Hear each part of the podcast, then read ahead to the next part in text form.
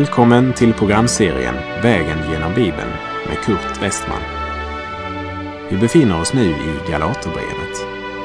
Slå gärna upp din bibel och följ med.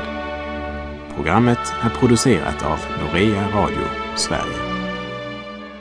Vi avslutade förra programmet med att säga att när det gäller frälsningens väg så är lagen och tron två absoluta motsatser som inte kan förenas.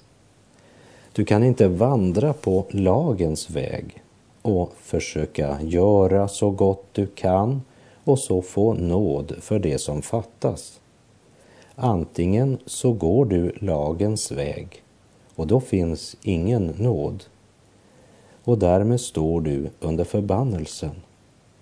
Eller också går du på trons väg och då har Kristus uppfyllt hela lagen för dig och du står under välsignelsen. Och när vi nu har kommit till vers 14 i Galaterbrevets tredje kapitel så vill jag för sammanhangets skull repetera den trettonde versen. Så vi läser Galaterbrevet 3, vers 13 och 14. Kristus friköpte oss från lagens förbannelse när han blev en förbannelse i vårt ställe. Det står skrivet. Förbannad är var och en som är upphängd på trä.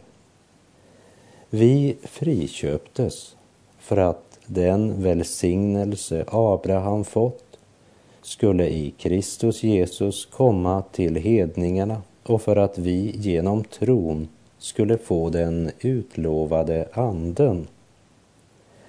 Paulus säger inte att Kristus har friköpt oss från lagen. Men han säger friköpt oss från lagens förbannelse. Det är mer än en som har misstolkat den ensidiga framställningen av lagen som präglar Galaterbrevet. Kanske man glömmer att Galaterbrevet inte är någon fullständig avhandling om lagens betydelse för den kristne. Och så glömmer man att brevets förmanande del mycket klart visar att Paulus inte på något sätt önskar att galaterna ska bli laglösa eller leva i kötslig frihet men han ville påminna om deras frihet i Kristus. Vilken förbannelse är det som Kristus har tagit bort? Jo, säger Paulus, den förbannelse som vilar över dem som trälar under lagen, därför att de gjort den till frälsningsväg. Den förbannelsen har Kristus nu tagit bort. För sanningen om människan är ju den att alla som inte känner Guds nåd genom Jesus Kristus står faktiskt under förbannelsen. Och vi friköptes för att den välsignelse Abraham fått skulle i Jesus Kristus komma till oss för att vi genom tron skulle få den utlovade anden. Israel hade haft lagen i 1500 år, men de hade misslyckats med att leva efter lagen. Och vid apostlamötet i Jerusalem, Apostlagärningarna 15, så sa Petrus egentligen att vi och våra fäder har ju aldrig lyckats hålla lagen. Varför ska vi då försöka tvinga hedningarna in under lagen om vi inte kunde hålla den? Så kommer inte heller de att kunna hålla den. Lagens väg är helt enkelt inte framkomlig. Men det är inte lagen det är något fel på, men människan.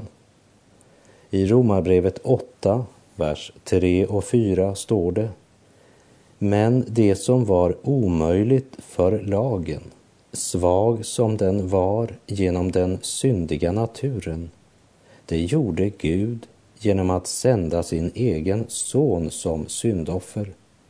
han som till det yttre var lik en syndig människa och i hans kropp fördömde Gud synden.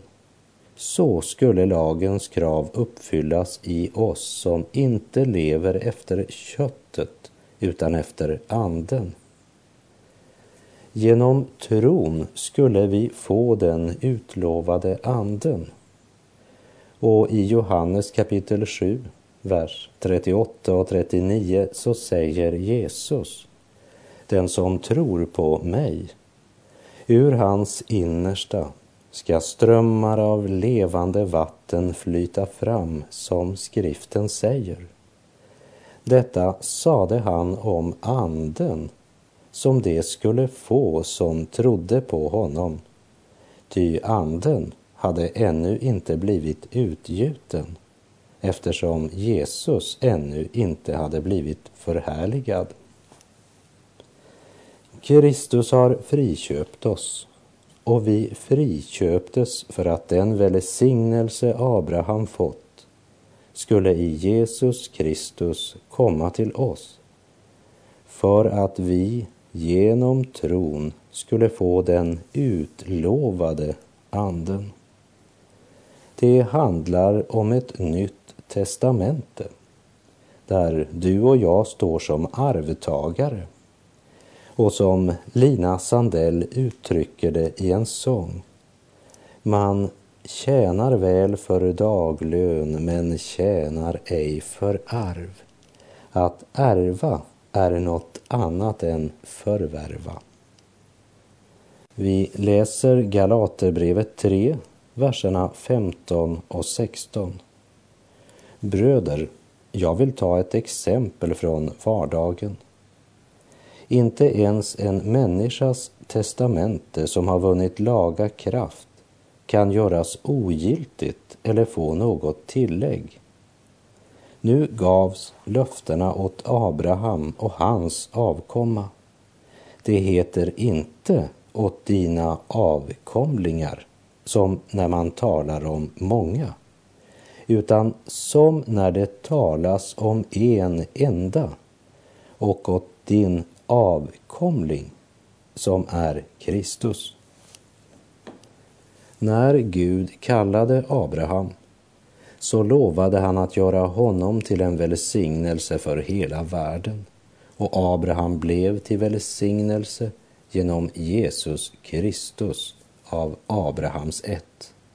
Det är Jesus Kristus som har bringat världen frälsning. Och vi läser vers 17. Vad jag menar är detta. Ett testamente som Gud själv i förväg har gett laga kraft kan inte upphävas av lagen som gavs 430 år senare så att löftet skulle sättas ur kraft. Gud hade gett Abraham ett löfte. Han hade gjort ett förbund med Abraham. När lagen blev given cirka 400 år senare så ändrade det inte något när det gällde löftet till Abraham. Gud sviker inte sina löften. Gud lovade Abraham, jag ska ge dig detta land. Jag ska ge dig en son och ett folk som ska bli många som sanden. Och från Abraham växte nationen Israel fram och flera andra nationer. Men löftet är givna genom Isak, vars släkttavla leder fram till Herren Jesus Kristus. Och åt din avkomling, som är Kristus, som det stod i vers 16. Gud hade också lovat Abraham att han skulle bli till välsignelse för alla folk. Och den enda sanna välsignelsen i denna värld idag, den finns i Kristus. Det är uppfyllelsen av Guds löfte, att han frälsar var och en som vänder sig till Kristus och tror på honom.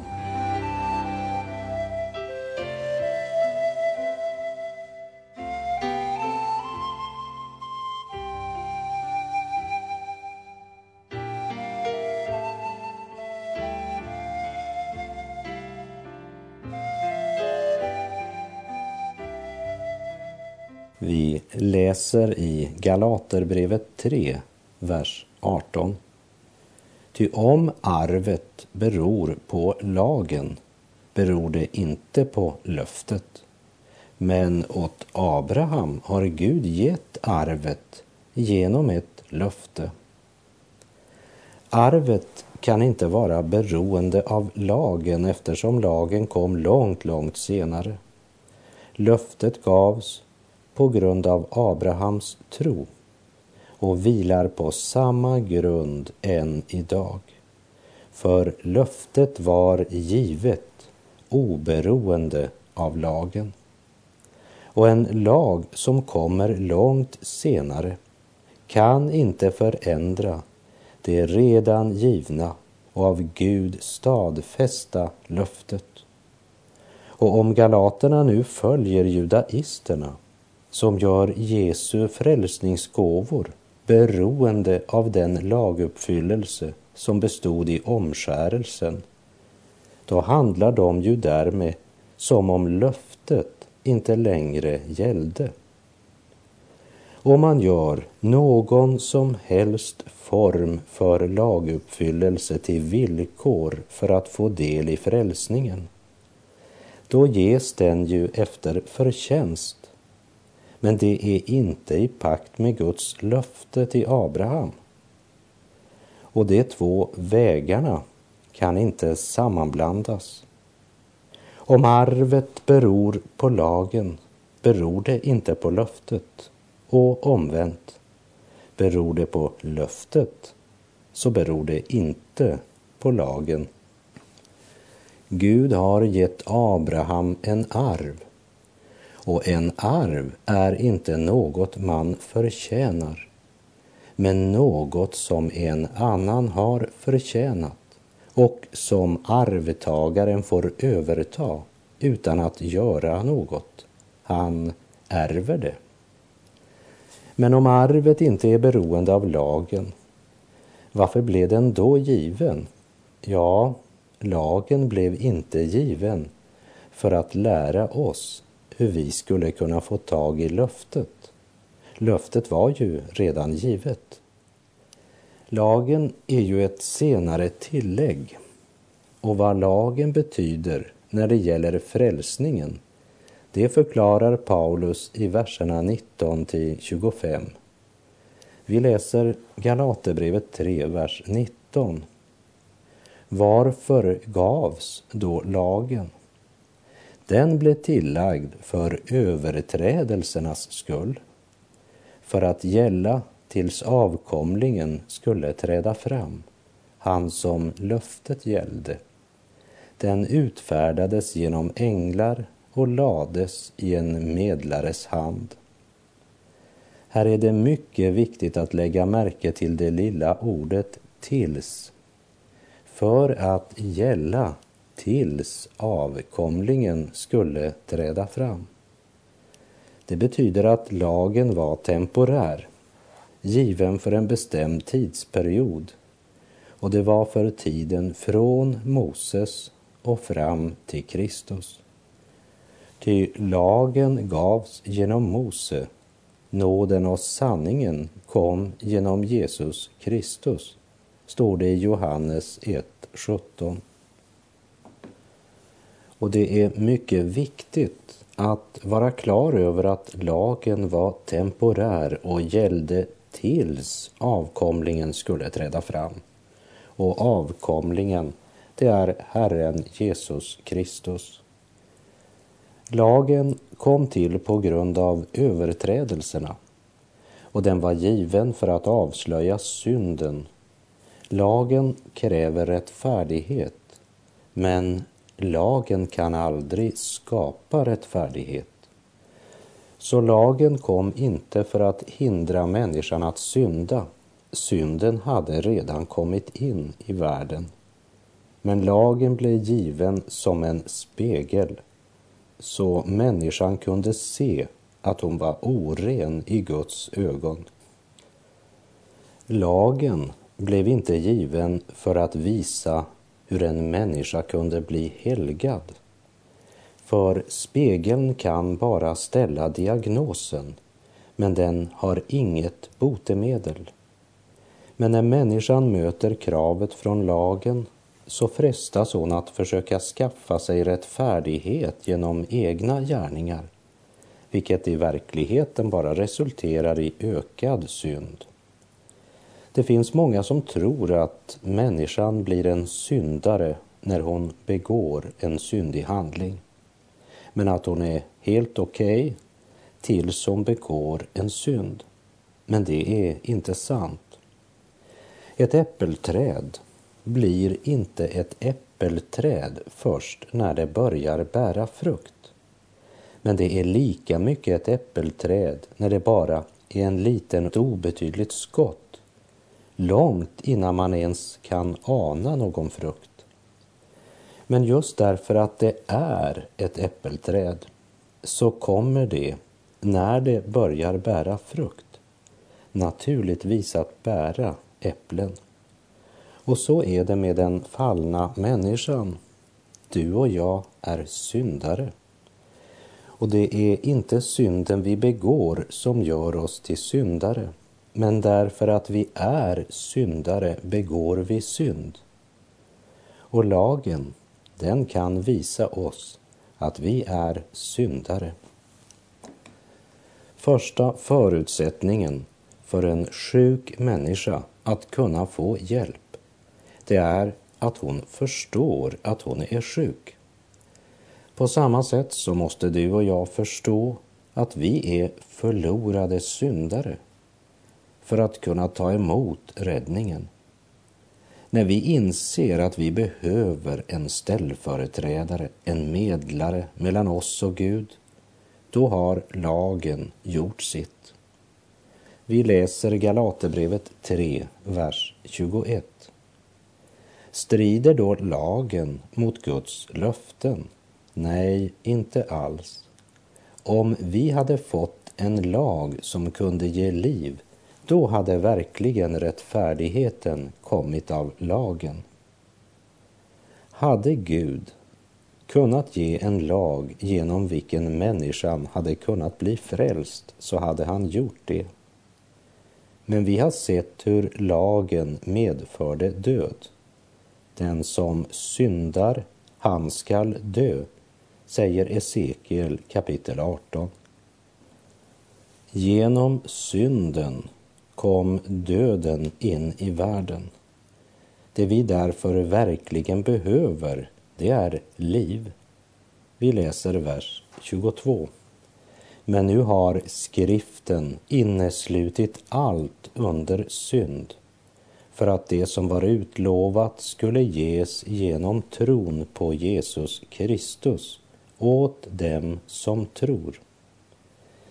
Judarna såg på lagen som Guds största gåva till mänskligheten. Men Paulus, han påminner om att löftet som Abraham fick genom tron kom långt före lagen. Paulus visar att du kan inte få liv genom lagen. Den för med sig död, dom och förbannelse. Lagen kan inte frälsa oss från synden. Lagen dömer synden och gör därmed synden större. Och därför säger Paulus, nu har skriften inneslutit allt under synd för att det som var utlovat skulle ges genom tron på Jesus Kristus åt den som tror. Och vi läser vers 23. Innan tron kom hölls vi i fängsligt förvar och var bevakade av lagen tills tron skulle uppenbaras. Det vill säga, synden är så omfattande och genomsyrar oss så totalt att löftet om frälsning kan bara uppfyllas genom att Gud ger frälsningen som en fri gåva till alla dem som tror. Halleluja, prisad vare Gud. Så Guds rättfärdighet kan inte ges till människor som fortfarande har hopp om att kunna bidra med sina egna goda gärningar eller genom att på nytt ta sig samman. Därför blev det lagens uppgift att innesluta allt under synd för att beröva människan alla falska förhoppningar och på det sättet göra dem beredda att ta emot Guds frälsning genom tron på Jesus Kristus. Därmed kan vi säga att det är tron som ger lagen en mening. Det är botemedlet som ger läkarens diagnos en mening. För det är ingen hjälp att fastställa sjukdomen om det inte finns något botemedel. När lagen har ställt diagnosen kan den inte göra mer. Lagen ställer diagnosen. Du är en hopplöst förlorad syndare. Jesus säger, jag är botemedlet. Och i Johannes 5.24 säger Jesus, Amen, amen säger jag er. Den som hör mitt ord och tror på honom som har sänt mig, han har evigt liv och kommer inte under domen, utan har övergått från döden till livet.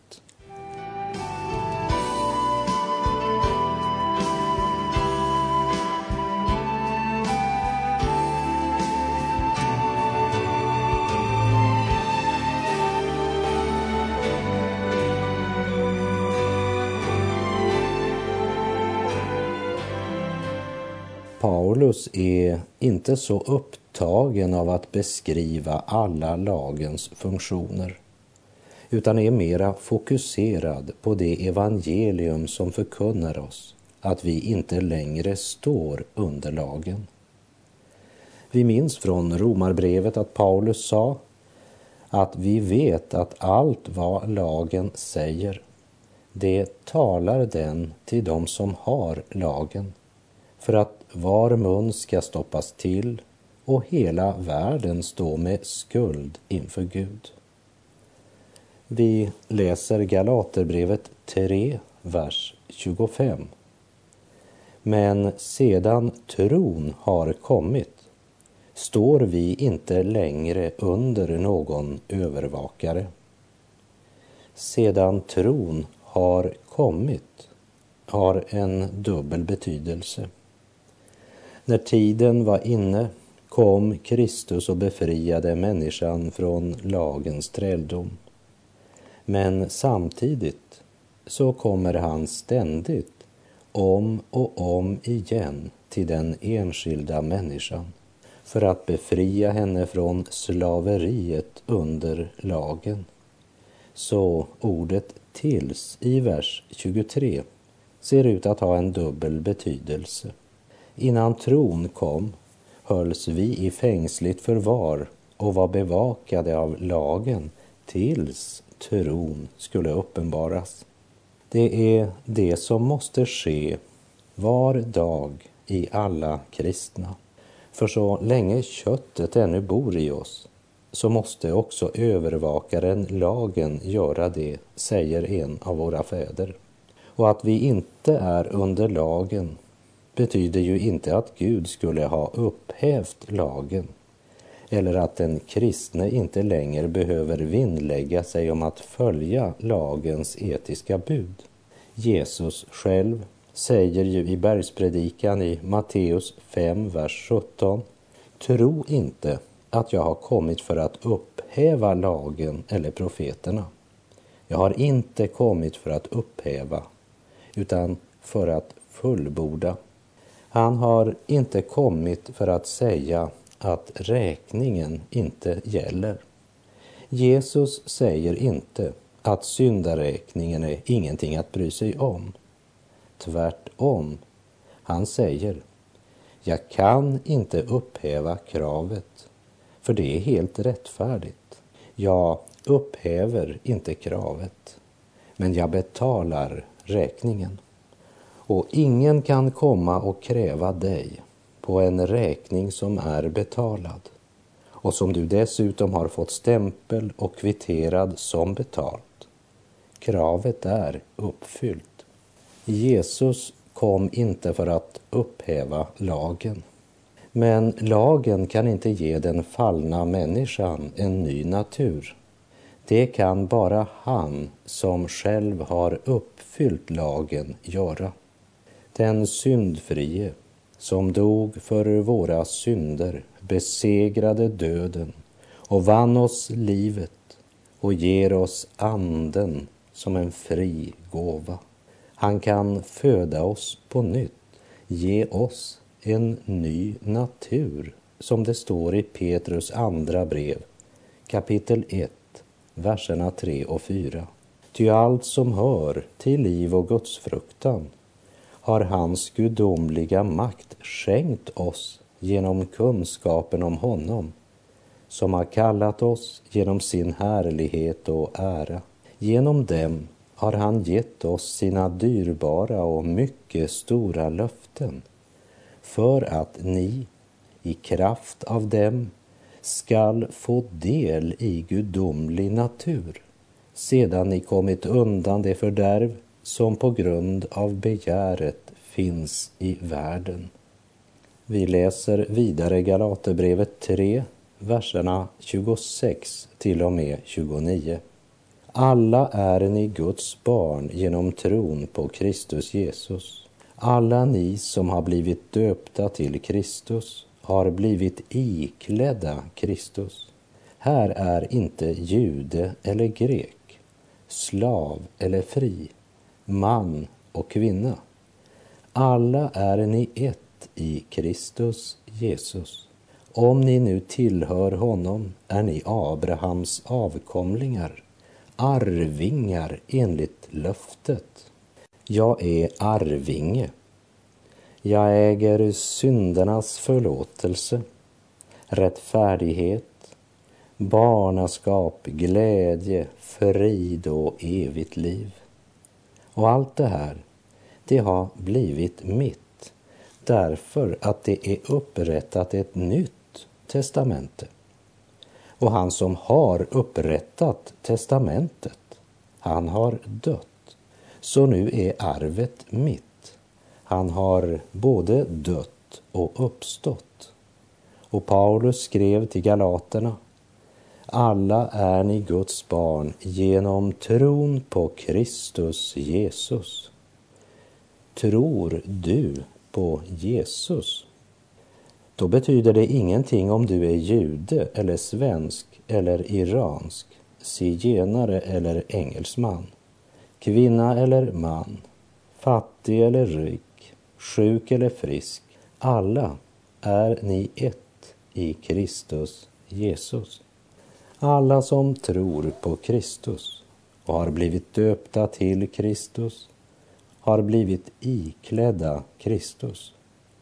Men om du är döpt till Kristus men inte lever i tron så har du inte del i löftet. Paulus säger alla är ni Guds barn genom tron på Kristus Jesus. Och med det så är vår tid ute för den här gången. Jag säger på återhörande om du vill. Herren vare med dig. Har du blivit döpt till Kristus så har du också blivit iklädd Kristus. Men allt detta kan endast mottas genom tron. Tro på Herren Jesus så blir du frälst. Gud är god.